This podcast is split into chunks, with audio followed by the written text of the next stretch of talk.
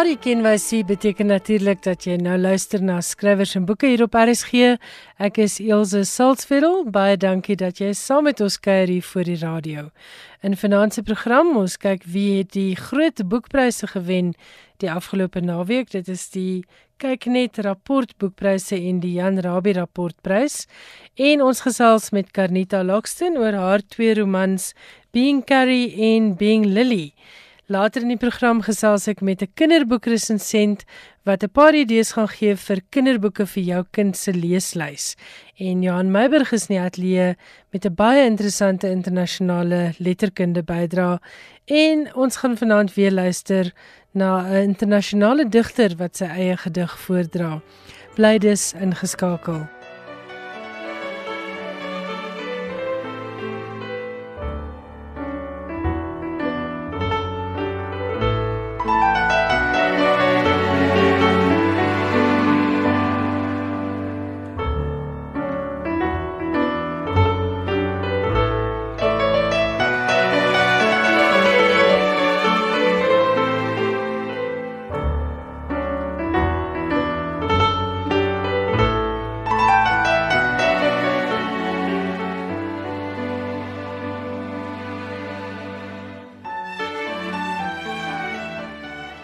Skop af met die wenners van die Kyknet rapport boekpryse, die Jan Rabie rapportprys vir die beste debuut of tweede prosa werk in Afrikaans, asook die Kyknet rapportpryse vir Afrikaanse resensies. Dit is die afgelope week in Kaapstad toegeken. Pryse ten bedrag van altesaam R825 000 is oorhandig nadat die prysgeld van die jaar verhoog is tot R250 000 vir die Kyknet rapportprys vir beste Afrikaanse fiksie en nie fiksie onderskeidelik. Dis 'n eislike prys, baie geluk solank aan al die wenners. Dan is daar 125 000 toegeken vir die mees verfilmbare fiksie of nie fiksie titel in Afrikaans en 'n verdere 125 000 rand vir die Jan Rabie rapportprys. Die drie resensiepryse beloop elk R25 000. Dis wonderlik om al hierdie beleggings in Afrikaans as boeketaal te sien. Baie dankie ook aan die onderskeie borgers. Hier is die wenners dan van vanjaar se kyknet rapport boekpryse. In die afdeling vir fiksie gaan die eerste prys aan SJ Nodee vir die derde spoel. Dit word uitgegee deur Omotsi. Gaan luister gerus ook op ons potgoeie want ons het onderhoude gehad oor al drie hierdie wenboeke. Die nuwe fiksie wenboek is Spertyd deur Elsa Huber uitgegee deur Tafelberg Uitgewers en in die afdeling vir die mees verfilmbare fiksieboek gaan die prys aan Die Laksman se dogter deur Gerda Taljard uitgegee deur Penguin. Net kortliks wat die beoordelaars van hierdie pryse gedink het van die boeke.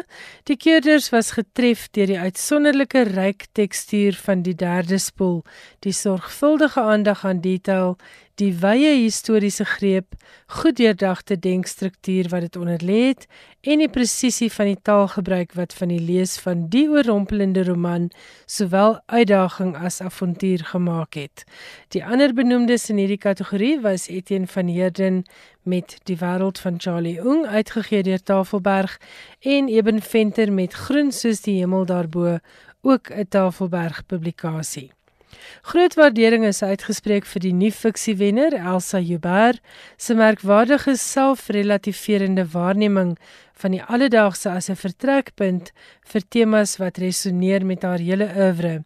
Die bepeinsing van meer universele bemoeienisse, hoe 'n mens verhoudinge aangaan en in stand hou en hoe jy jouself tot verantwoording roep oor jou eie standplek in die geskiedenis van 'n land en die van 'n kontinent en veral ook oor wat dit is om sinvol te lewe en berustend te sterwe. Ook op die nuwe fiksie kortlys was Geloof alleen deur Andrei Pretorius uitgegee deur Naledi en Op pad 'n reisjoernaal deur Dana Snyman uitgegee deur Tafelberg. Wat betref die boek met die meeste filmpotensiaal, was dit vir die keurders vanjaar maklik om opgewonde te raak oor die Laksman se dogter, omdat die sterk literêre meriete en fees van visuele moontlikhede daarin 'n filmmaker se droom is. Dit pas soos 'n handskoen in die kategorie van huishoudelike noir, 'n boeiende sielkundige thriller wat in 'n eksentrieke familie afspeel en die kyker by komplekse interpersoonlike verhoudinge betrek. Die ander titels op die kortlys was die jeugroman Blou is nie 'n kleur nie deur Karen Kratz, uitgegee deur Tafelberg en Kamikaze deur Rudy van Rensburg uitgegee deur Colerie. Nicole Jackal Strauss het die Jan Rabie rapportprys vir 'n debuut of tweede prosa werk in Afrikaans gewen met haar tweede kortverhaalbundel As in die mond uitgegee deur Colerie. Die keerder sê Strauss se bundel gee 'n blik op verlies en posttraumatiese stres wat die leser bybly lank na die lees van die verhale. Die ander benoemdes was SJ Nodee met die derde spoel en Skalk Skoombie met rooi haring uitgegee deur Iman en Resou. Die kyknet rapportprys vir boekresensent van die jaar is toegekend aan Charles Pierre Nodee in die fiksie kategorie met sy resensie Jong digter verskalk haar leser behoorlik en dit gaan oor Radbraak deur Jolyn Phillips. Hierdie resensie het in Media 24 dagblaaie verskyn. Die afdeling vir nie fiksie resensies is gewen deur John Meyering vir sy resensie Skitterende kleinnoot van 'n vol lewe geleef oor Elsa Joubert se spertyd en dit het ook in Media 24 dagblaaie verskyn. In 'n nuwe kategorie wat vanjaar bygevoeg is vir langer resensies is Renel Foster bekroon vir haar resensie Die gedig as 'n karapaks oor krap uit die see deur Fourie Botha en dit het op Litnet verskyn. Hierdie laaste prys vir langer resensies is op versoek van die keerders deur die organiseerders ingestel vir die langafstand atlete van literêre kritiek wat oor 'n maraton afstand end uitboei aldus die persvrystelling en ook natuurlik om erkenning te gee aan resensente wat Afrikaans en die Afrikaanse letterkunde ook op hierdie vlak verhelder en verruim. Baie geluk aan die wenners van die Kyknet rapport boekpryse asook die Jan Rabie rapportprys en die Kyknet rapportpryse vir Afrikaanse resensies en dit is die afgelope Saterdag in die Kaap toegekend.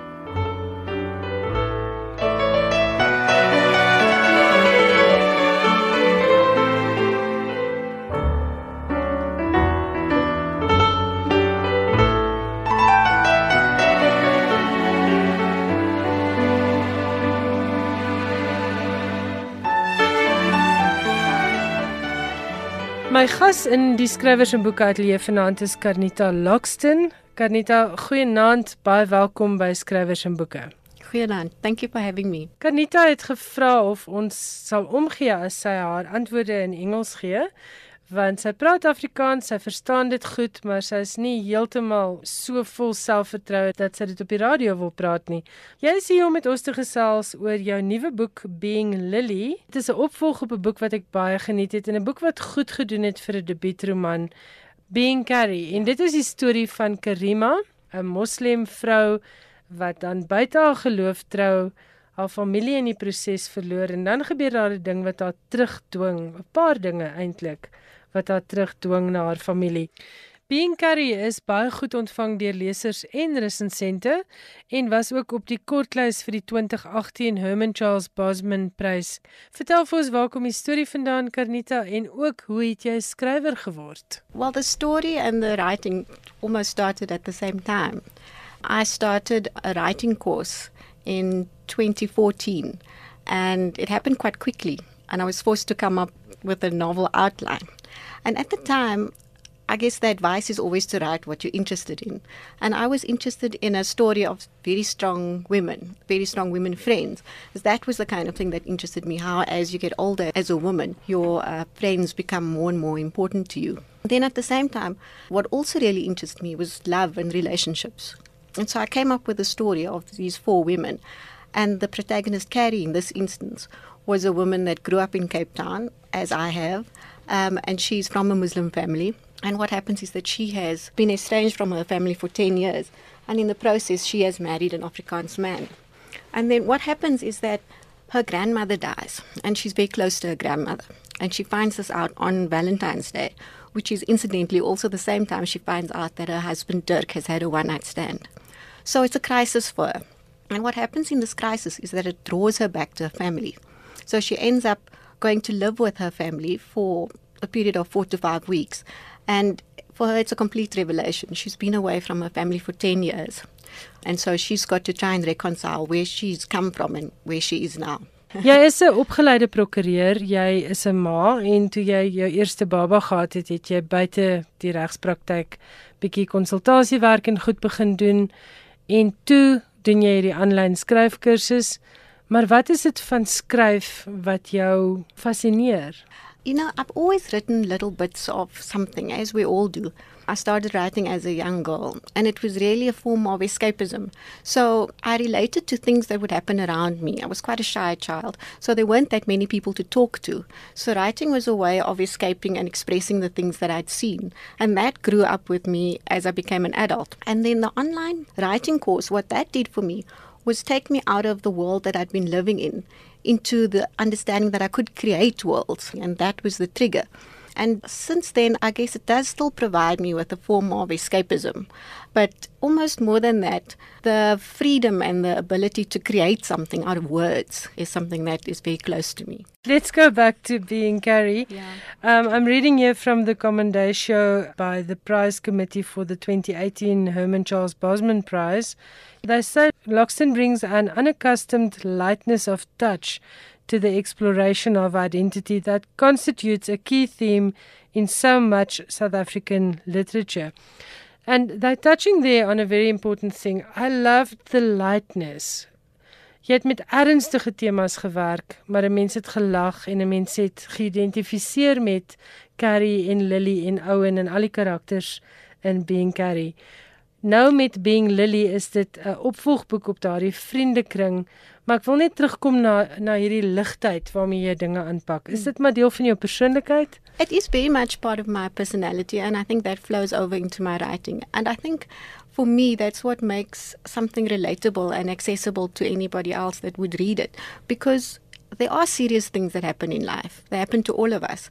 Um, but sometimes there is also a funny side, even to the very serious parts of it.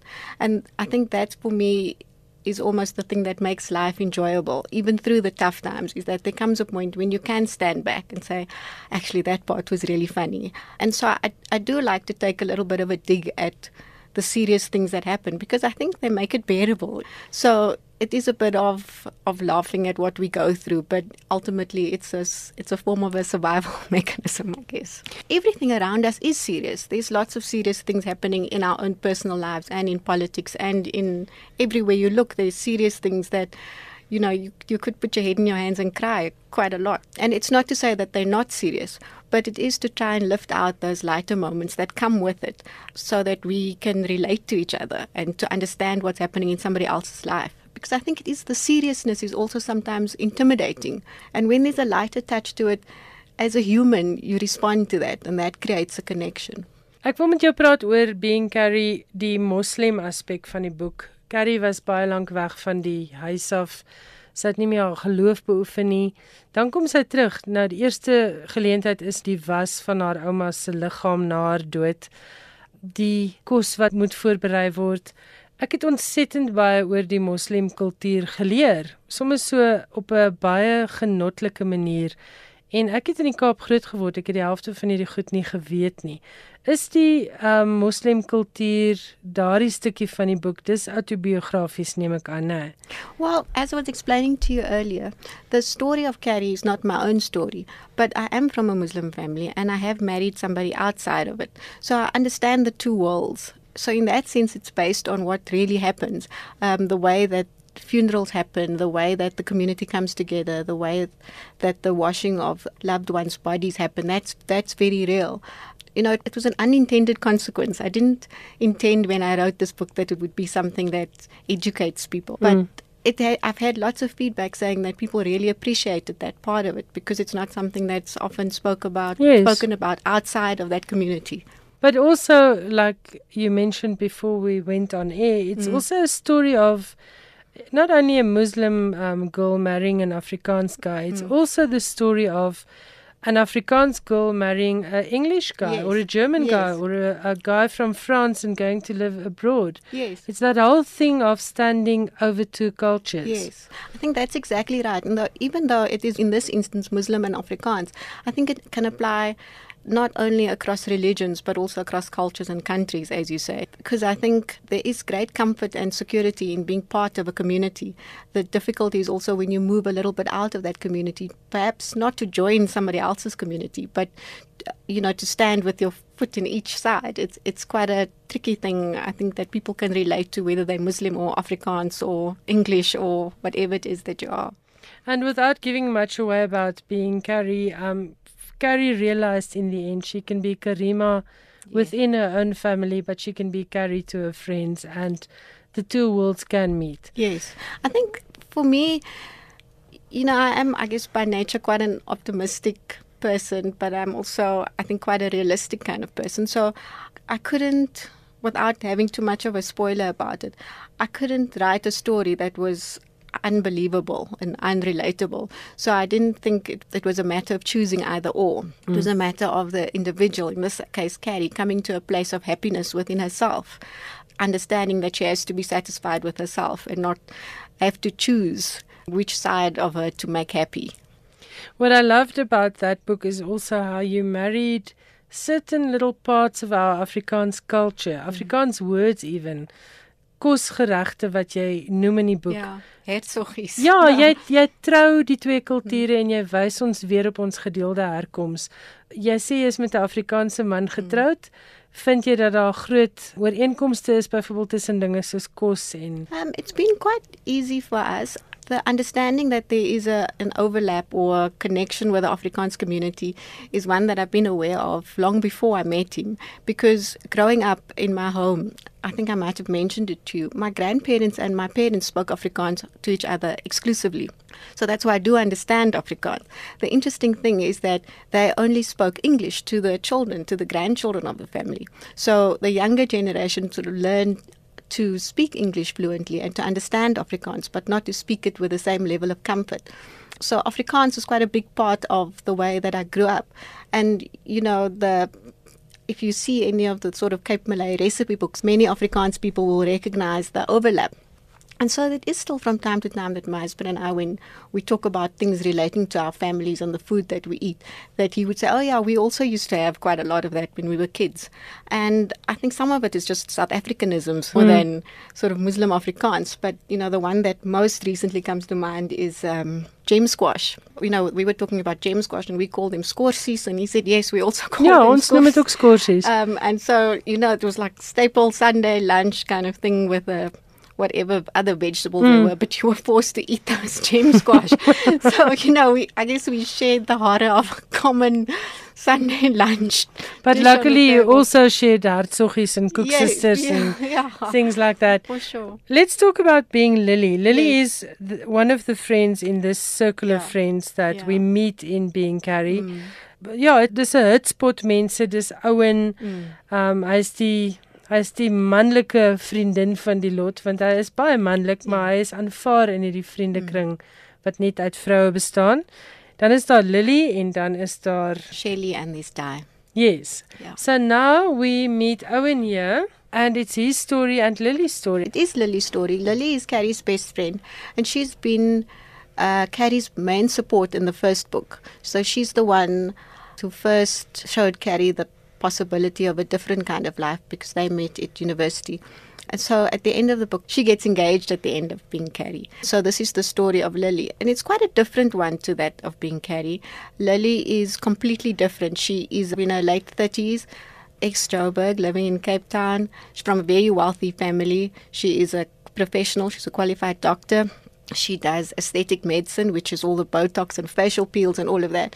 So she is this mix of very confident, very professional, very cynical woman who now is getting married for the first time. And so she loses her mind a little bit. She gets caught up in all this wedding fever. But the story is about a little bit more than what happens when you get married because her fiance Owen has an ex girlfriend arrive with a daughter. And it transpires that the daughter might be his daughter. What made it interesting for me as a mother is that Lily and Owen have decided that they don't want to have children. They're living lives for themselves. And so the story is about what does it mean to be a modern woman? Um, what does it mean around the story of motherhood? Mm. What does what do those choices mean? And also ultimately why do we get married? Even for an older, successful person where you are in a committed relationship, nobody really needs to get married this is what struck me is that, but yet so many people are getting married. Mm. So why? Mm. And that was the one question that I wanted to look at. So it's a it's a question of love. I mean, the story is one of love. What happens when you get to that point? What do you do next? Do you do anything next? And then you know the saying that goes, um, first comes love, then comes marriage. Then comes baby in a baby carriage. So it was questioning those kind of societal expectations, mm. um, which all sounds quite heavy when I say it like that but it's it's written in the same style as Bing Carey. In other words, there's enough to laugh yes, about. Yes, there's to enough to laugh about, about, and hopefully enough to make you think, oh, that's actually true. Kanita Loxton, baie dankie dat jy met ons kom gesels het. Baie dankie. I appreciate it very much also that you were able to have the interview in English and Afrikaans. Ek het gesels met Kanita Loxton oor haar twee romans Being Carrie en Being Lily en albei word uitgegee deur Kwela. Volgende week is dit weer tyd vir die jaarlikse Aardklop Kunstefees en oudergewoonte is daar weer 'n baie interessante boekprogram. Dit is saamgestel deur Theo Kemp. Boekliefhebbers moet gerus 'n draai gaan maak op Aardklop se webwerf, gaan loer na die baie interessante boekprogram. Daar's regtig iets vir almal van nuwe romans tot interessante Suid-Afrikaanse geskiedenis en die ATKV Boekeoase is ook die plek waar jy al die jongste Afrikaanse boeke kan koop, lekker gerieflik onder een dak. Daar's 'n lekker koffietuin en jy gaan in 'n skrywer of twee vasloop. Die Aardklop Feesgids het volledige inligting oor die ATKV Boekeoase se boekgesprekke. Gaan maak gerus daar 'n draai, dit is altyd een van my feeshoogtepunte. En ek gaan nou gesels met Louise Viljoen, 'n kinderboekresensent oor 'n paar oulike kinder- en tienerboeke. Louise, baie welkom by Skrywers en Boeke en dankie dat jy met my gesels. Baie dankie Elsje, dis 'n voorreg om met julle te kan gesels vanaand. Vertel so 'n bietjie meer van jou belangstelling in kinder- en jeugboeke en hoekom het jy besluit jy wil graag meer doen om hierdie genres te belig? Elsje, ek is 'n vryskutskrywer, 'n taalversorger en 'n resensentie van Jeffrey's Bay. Ek lees vir werk en ontspanning, so ek is dus heeldag en aldag besig met stories. Ek het reeds nou die dag gedink aan professor Betsy van der Westhuizen se woorde waar sy sê in vandag se tyd ontbreek positiewe rolmodelle in die nuus en op straat dikwels, maar goeie positiewe rolmodelle kan in boeke gevind word. Die regte boeke op die regte tyd kan moontlik die gruisverhale van die nuus en die straat vervang met positiewe beelde. Beelde wat nuwe ideale vir 'n eie lewe in die saambestaan met ander kan word. En dis kom kinderboeke vir my so belangrik is om rolmodelle, positiewe rolmodelle in ons kinders se lewe in te bou. En natuurlik vir die vermaak en die besige bly, né? Ja, beslis. En natuurlik soos ons almal weet, 'n kind wat lees is 'n kind wat goed doen op skool ook. Ja, definitief. Ek het vir jou gevra om vir my so 'n paar boeke te identifiseer wat jy onlangs gelees het, want jy lees al hierdie kinderboeke en tienerboeke waaroor jy gesels, lees jy ook eers self, sodat ons vanaand 'n bietjie daaroor kan gesels. So kom ons begin met jou lysie. Eerste bo aan die lys as ek nou reg is, is As die kat weg is deur Anet Hertzog. Vertel vir ons daarvan. Hierdie is 'n wonderlike boek. Dit is 'n skreeusnaakse en avontuurbelaaide verhaal wat uit die perspektief van Aristoteles die kat vertel word. Dit is uit Duits vertaal deur Kobus Geldenhuys. Aristoteles is 'n silwergrys mannetjieskat met houding. Hy's 'n verwende huiskat in die vleur van sy lewe wat dink dat hy vreeslik mooi is. Hy reken ook dat dit Anna se plig is om sy pels te streel wanneer hy op haar skoot lê terwyl sy haar huiswerk doen. Maar dan vind Aristoteles uit dat Anna graag 'n hond vir haar verjaarsdag wil hê. Hy sien nie kans om Anna met 'n stink irriterende en keffende dirasie te deel nie. Hy besluit om weg te loop sodat Anna na hom moet verlang en moet besef dat hy al troeteldier vir haar is. Die lewe van 'n straatkat geval Aristoteles natuurlik glad nie. Hy raak gou honger en verdwaal. As hy nie 'n kat was, wie het hy homself 'n ongeluksvol genoem. Gelukkig sien hy 'n plakkaat met sy foto op. Anna soek so waar na hom. Hy loop hom egter vas in skirte wat hom 'n vlooi taxi noem. Gaan Aristoteles ooit weer sy pad terugvind na Anna toe? Die boek word aanbeveel vir kinders 9 jaar en ouer en bestaan uit 112 bladsye. En wie is die uitgewers? Dis Lapa Uitgewers. Goed, so dis 'n wonderlike boek vir kinders van 9 tot 12 as die kat weg is, geskryf deur Anet Hertzog en dit is beskikbaar by Lapa en onthou mens kan by Lapa sommer aanlyn bestel by www.lapa.co.za. Ek gesels vanaand in skrywers en boeke met Louise Viljoen. Sy is 'n kinderboekresensent daar van Jeffreys Bay. Uh Louise, jy het ook aangedui dat jy ietsie wil sê oor Sandri Stein, die rustelose mammie geskryf deur Teresa van Balen. Ja, hierdie boek word aanbeveel vir kinders 9 jaar en ouer en bestaan uit 80 bladsye. Sandri droom daarvan om 'n superjoernalis te word. Sy stel ondersoek in toe 'n rondreisende uitstalling met interessante artefakte en 'n mammie uit antieke Egipte na Raaisfontein se museum te kom. Vanuit die staanspoor gebeur daar egter snaakse dinge wat haar oortuig dat alles nie bly soos met die mammie nie. Die ding loop dan rond, grom en lag hardop. Is hy gevaarlik? Waarna is hy so angstig op soek? Alles hierdie die 8ste boek in die gewilde Sanri Steyn reeks waarvan meer as 20000 kopieë al verkoop is, kan die boek op sy eie gelees word. Seuns en meisies sal dol wees op die aweregse humor en grillerige tema.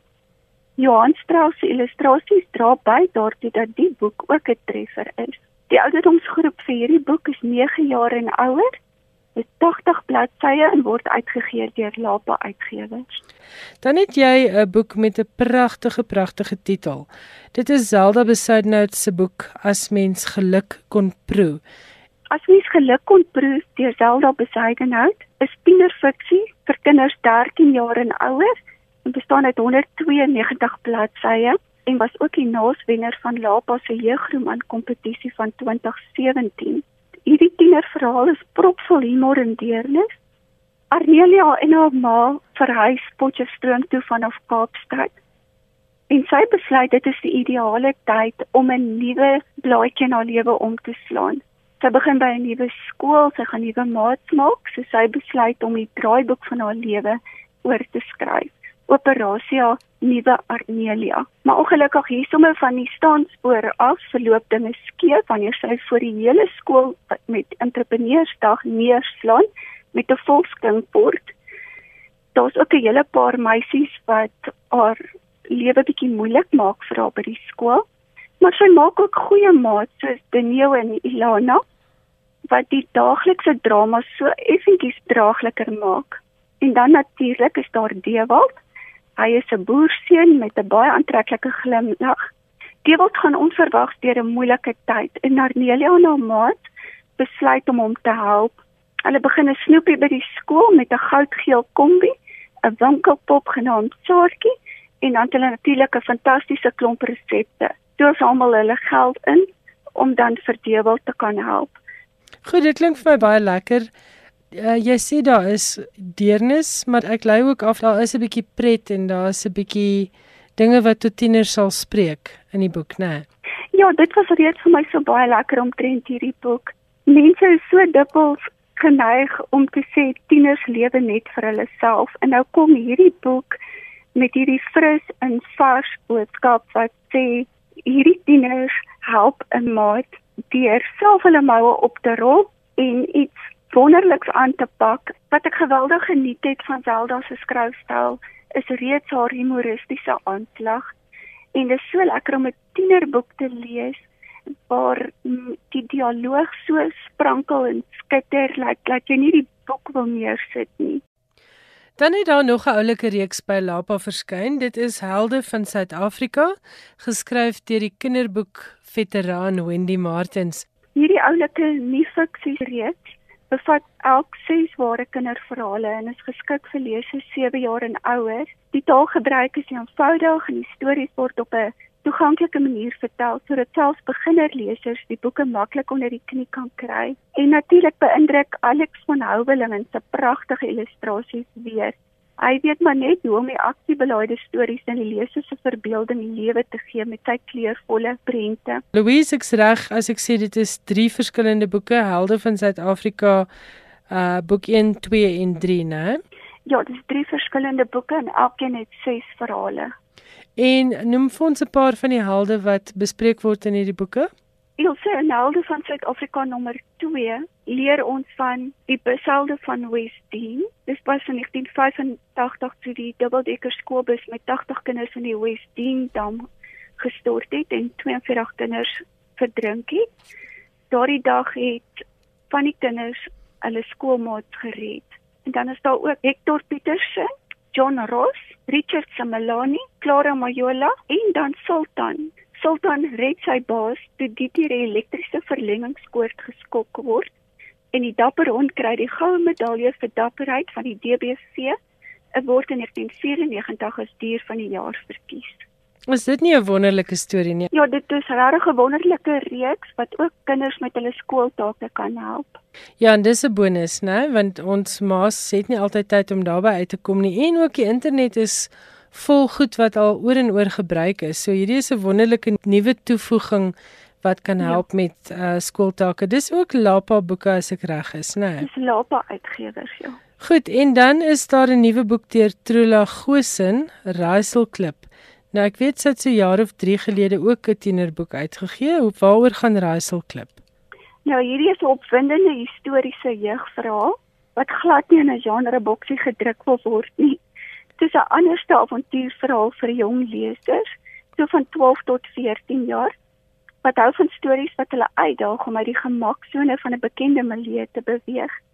Dit is 'n gotiese spanningsverhaal wat in die 1800s in Kaapstad afspeel maar is ook 'n kreatiewe fantasieverhaal en spookstorie wat die drade van gister en nou behendig saamknoop tot 'n soemlose leeservaring wat beïndruk. Goosen het haar huiswerk deeglik gedoen en beeld die Kaapse lewe van Tuka so goed uit dat die moderne leser nie sukkel om daarmee te identifiseer nie.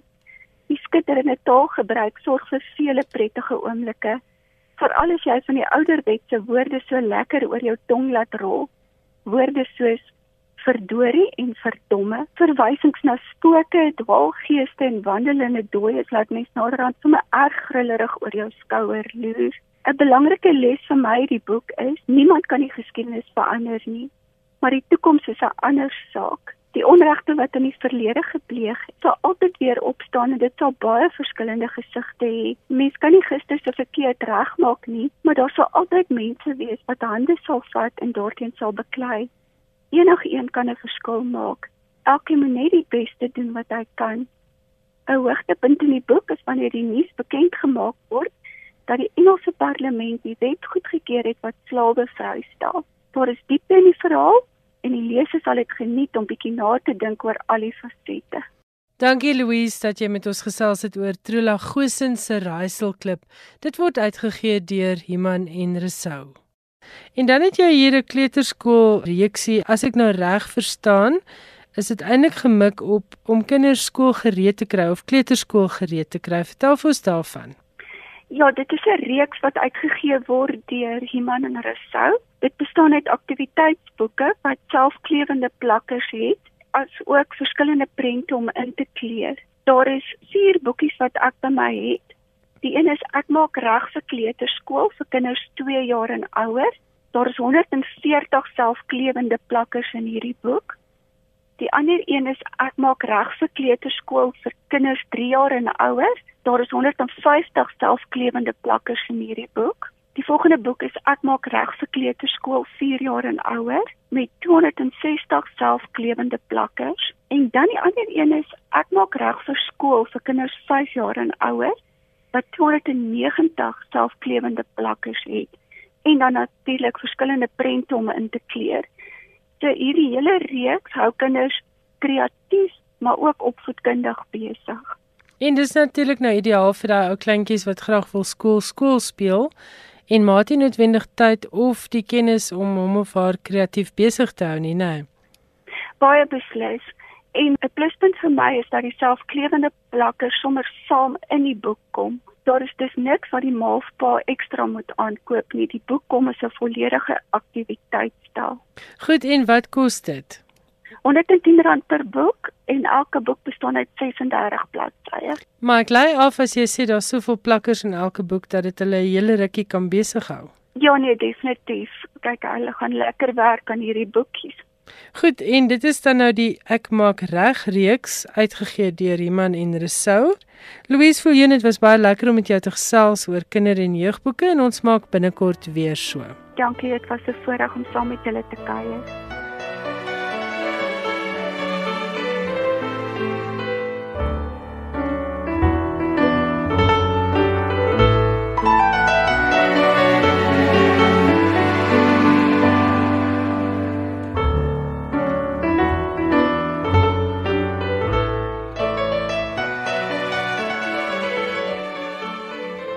Soos altyd sluit ons die program af met Johan Meiburg se internasionale letterkunde bydra. Johan, baie welkom in die ateljee. Die mikrofoon is joune. In die misdaad en spanningsgenre verskyn daar binnekort 'n hele paar boeke van gevestigde skrywers waarvan 'n mens dalk 'n aantekening kan maak. Van J.K. Rowling se alter ego, Robert Galbraith, het pas by Sphere Lethal White verskyn. Dis die 4de boek onder die naam van Galbraith en dis die verhaal van 'n jong man wat as kind getuie van 'n misdaad was.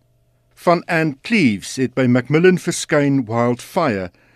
Dis die 8ste en laaste roman in die Shetland Island reeks waarin speurder Jimmy Perez die dood van 'n jong kinderoppasser ondersoek.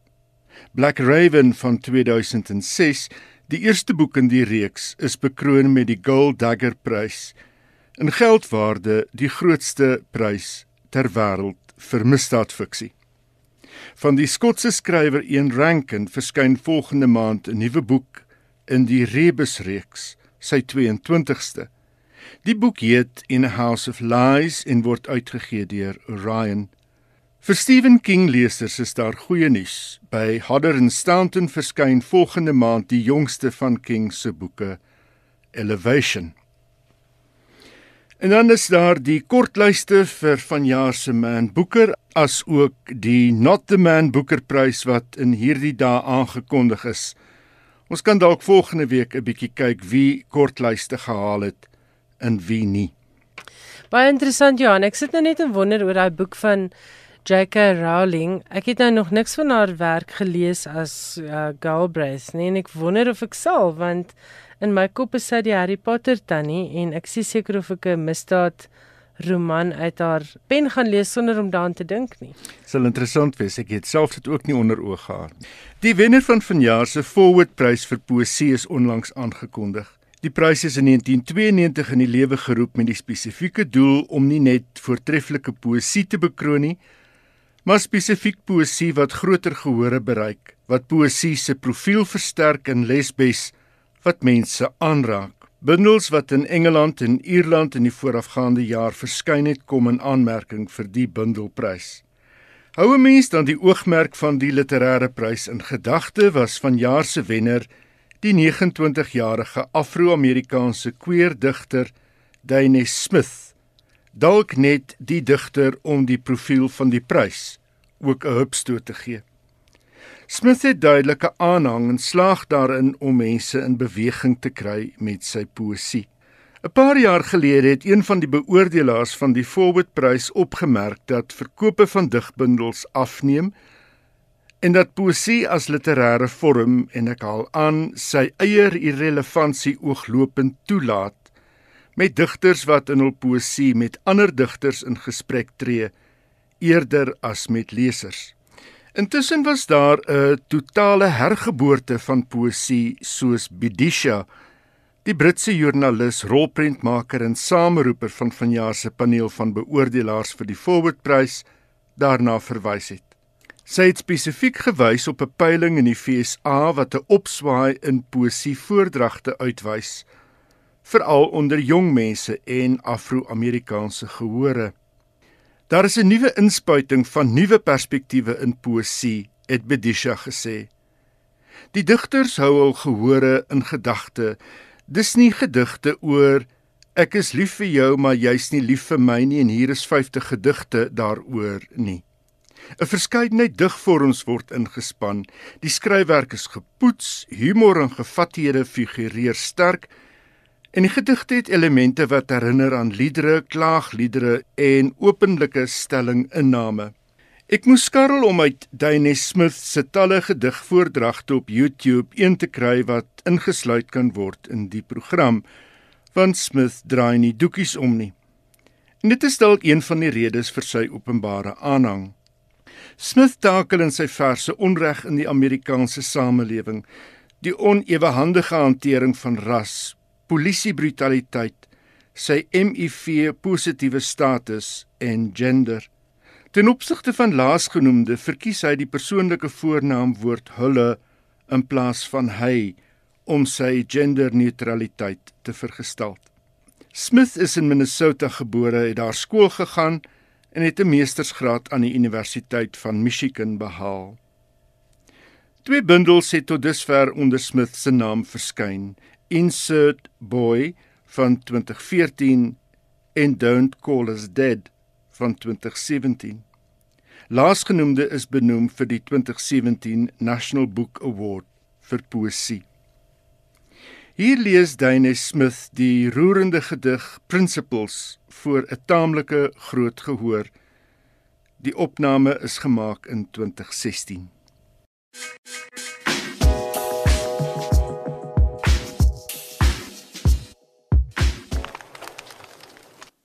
Ask not what your country can do for you.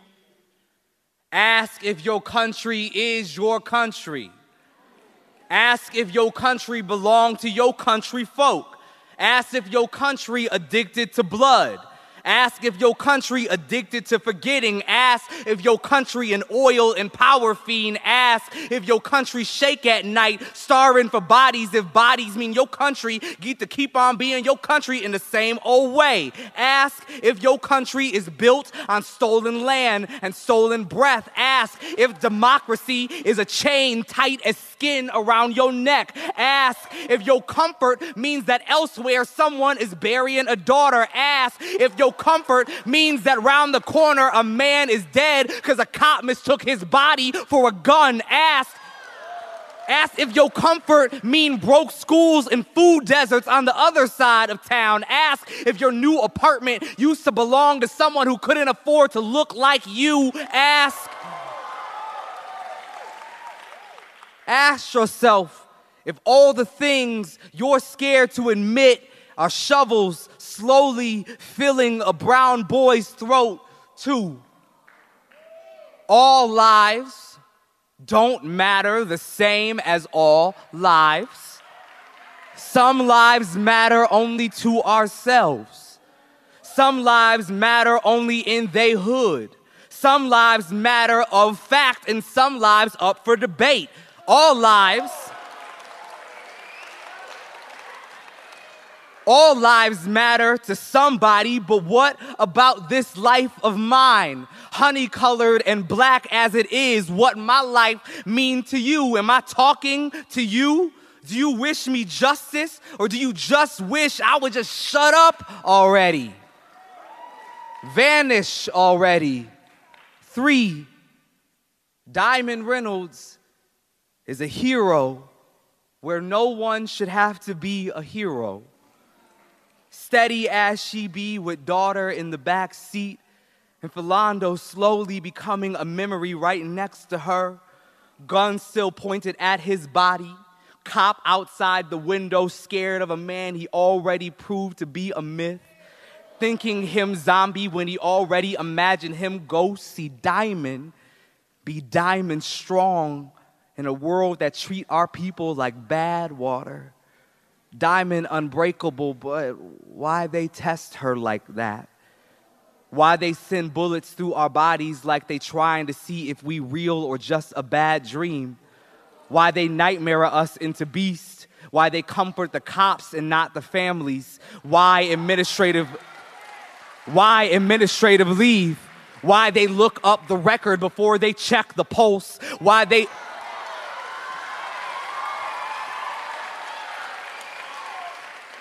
why they spin the story before they call the ambulance, why they more worried about getting caught than they worried about the killing, why they protect and serve themselves from us, why they want us to apologize for being in the way of their guns. What good is police?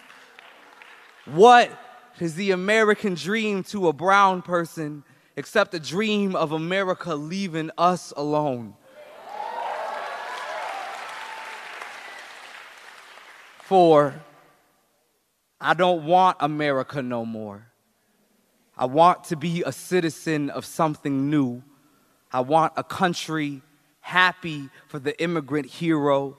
I want a country where joy is indigenous as its people. I want a country that keep its word. I want to not be scared to drink the water. I want a country that don't bomb other countries. I want a country that don't treat its people like a virus. I want a country not trying to cure itself of me.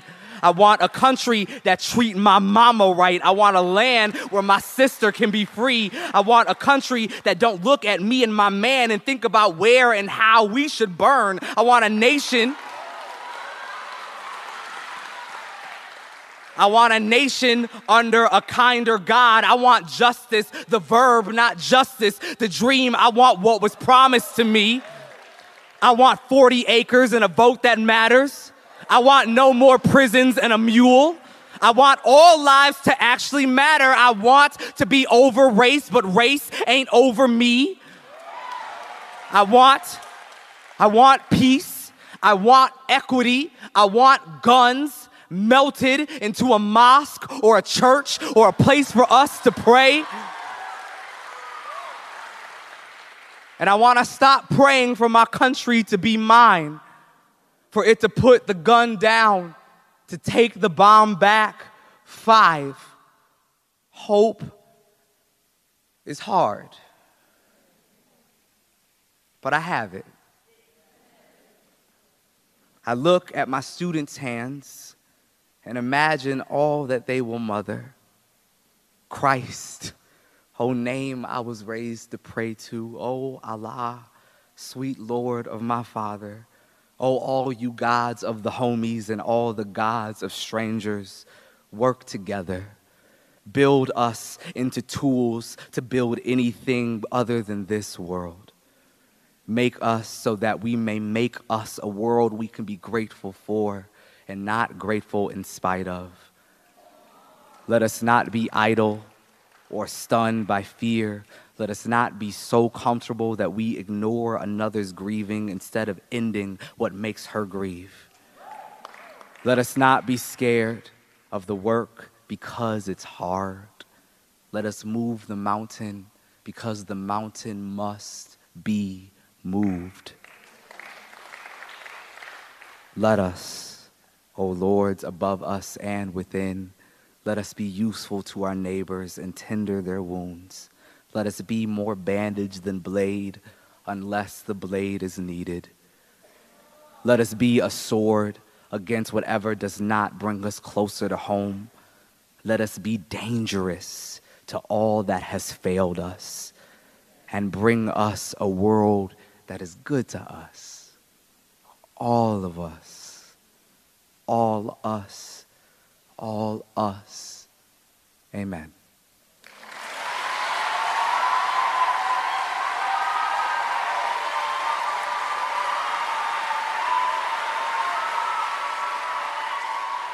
Dit was dan 'n uh, internasionale digter, Dane Smith wat sy gedig Principles voorgeles het. Jan, uh ekskuus dat ek dit nou vra, maar ek is seker daarvan as ek nie weet nie dan wonder die luisteraars dalk ook.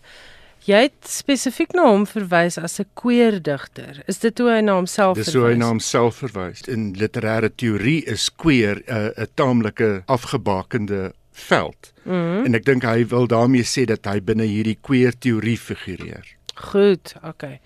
Baie interessant. Ek leer elke week iets by jou en uit uh, die dinge wat jy vir ons bring uit die internasionale letterkunde en boeke wêreld. Dankie. Ons gesels volgende week weer. Baie dankie. daarmee kom ons dan aan die einde van Finansies skrywers en boeke. Dankie dat jy saam geluister het en dat jy ingeskakel is op RSG. In volgende week se skrywers en boeke hoop ek om vir jou 'n bydrae te bring oor Pat Stamatelos se nuwe boek en ook twee bydraes uit 'n internasionale fees wat in Nederland plaasgevind het waar 'n paar Afrikaanse skrywers gesels het oor hulle werk. Dit in volgende week se skrywers en boeke volgende Woensdag aand om 8uur net hier op RSG. Ons SMS nommer soos altyd is 45770 en elke SMS kos R1.50 en my e-posadres is skrywersenboeke@rsg.co.za. Tot volgende Woensdag aand om 8uur. Geniet die res van jou week en lekker lees. Totsiens.